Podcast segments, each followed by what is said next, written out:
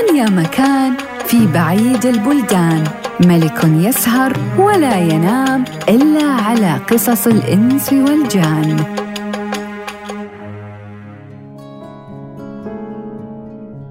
بلغني أيها الملك السعيد أن رئيس المركب لما صاح على الركاب وقال لهم اطلبوا النجاة لأنفسكم قبل الهلاك واتركوا الأسباب. وسمع الركاب كلام ذلك الرئيس. وأسرعوا وبادروا بالطلوع إلى المركب وتركوا الأسباب وحوائجهم وجميع ممتلكاتهم. فمنهم من لحق المركب ومنهم من لم يلحقها. وقد تحركت تلك الجزيرة ونزلت إلى قرار البحر بجميع من كان عليها. وانطبق عليها البحر العجاج المتلاطم بالأمواج.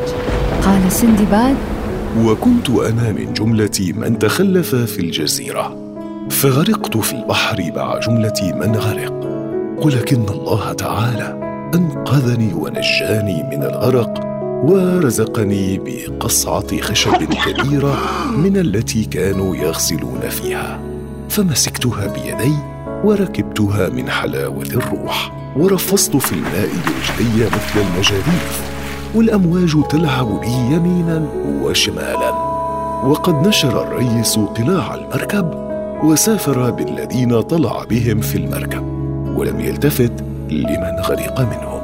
ما زلت أنظر إلى تلك المركب حتى خفيت عن عيني وأيقنت بالهلاك ودخل علي الليل وأنا على هذه الحالة. فمكثت على ما أنا فيه يوما وليلة.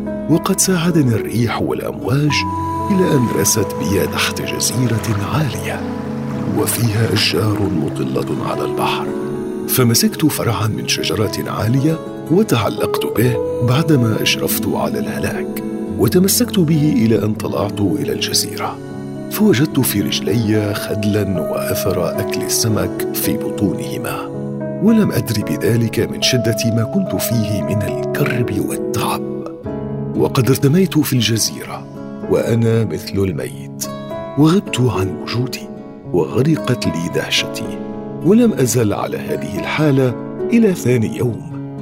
وقد طلعت الشمس علي وانتبهت في الجزيرة فوجدت رجلي قد ورمتا. فصرت على ما أنا فيه فتارة أزحف وتارة أحبي على ركبي. وكان في الجزيرة فواكه كثيرة وعيون من الماء العذب. فصرت آكل من تلك الفواكه. ولم أزل على هذه الحالة مدة أيام وليال وقد انتعشت نفسي.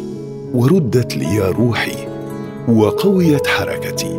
وصرت أتفكر وأمشي في جانب الجزيرة وأتفرج بين الأشجار على ما خلق الله تعالى. وقد عملت لي عكازا من تلك الأشجار أتوكأ عليه. ولم أزل على هذه الحالة إلى أن تمشيت يوما من الأيام في جانب الجزيرة. فلاح لي شبح من بعد. فظننت أنه وحش أو أنه دابه من دواب البحر. فتمشيت إلى نحوه ولم أزل أتفرج عليه.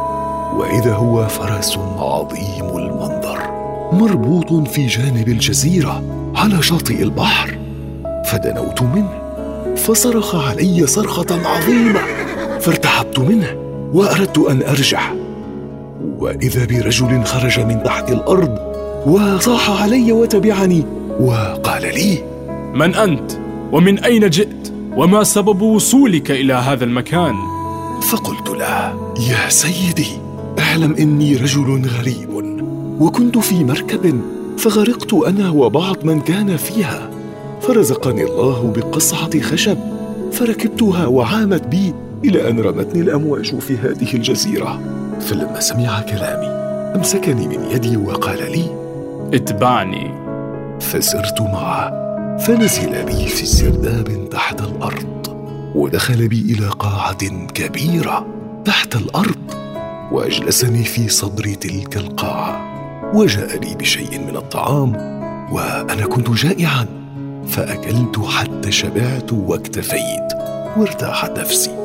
ثم إنه سألني عن حالي وما جرى لي فأخبرته بجميع ما كان من أمري من المبتدأ إلى المنتهى.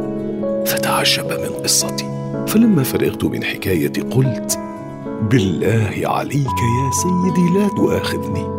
فأنا قد أخبرتك بحقيقة حالي وما جرى لي. وأنا أشتهي منك أن تخبرني من أنت وما سبب جلوسك في هذه القاعة التي تحت الأرض؟ وما سبب ربط هذه الفرس على جانب البحر؟ فقال لي اعلم أننا جماعة متفرقون في هذه الجزيرة على جوانبها ونحن سياس الملك المهرجان وتحت أيدينا جميع خيوله وفي كل شهر عند القمر نأتي بالخيل الجياد ونربطها في هذه الجزيرة من كل بكر ونختفي في هذه القاعة تحت الأرض حتى لا يرانا أحد. فيجيء حصان من خيول البحر على رائحة تلك الخيل ويطلع على البر فيلتفت فلا يرى أحدا. فيثب عليها ويقضي منها حاجته وينزل عنها ويريد أخذها معه فلم تقدر أن تسير معه من الرباط. فيصيح عليها ويضربها برأسه ورجليه ويصيح. فنسمع صوته فنعلم أنه نزل عنها فنطلع صارخين عليه فيخاف منا وينزل البحر. والفرس تحمل منه وتلد مهرا أو مهرة تساوي خزنة من المال ولا يوجد لها نظير على وجه الأرض. وهذا وقت طلوع الحصان. وإن شاء الله تعالى آخذك معي إلى الملك المهرجان. وأدرك شهرزاد الصباح فسكتت عن الكلام المباح.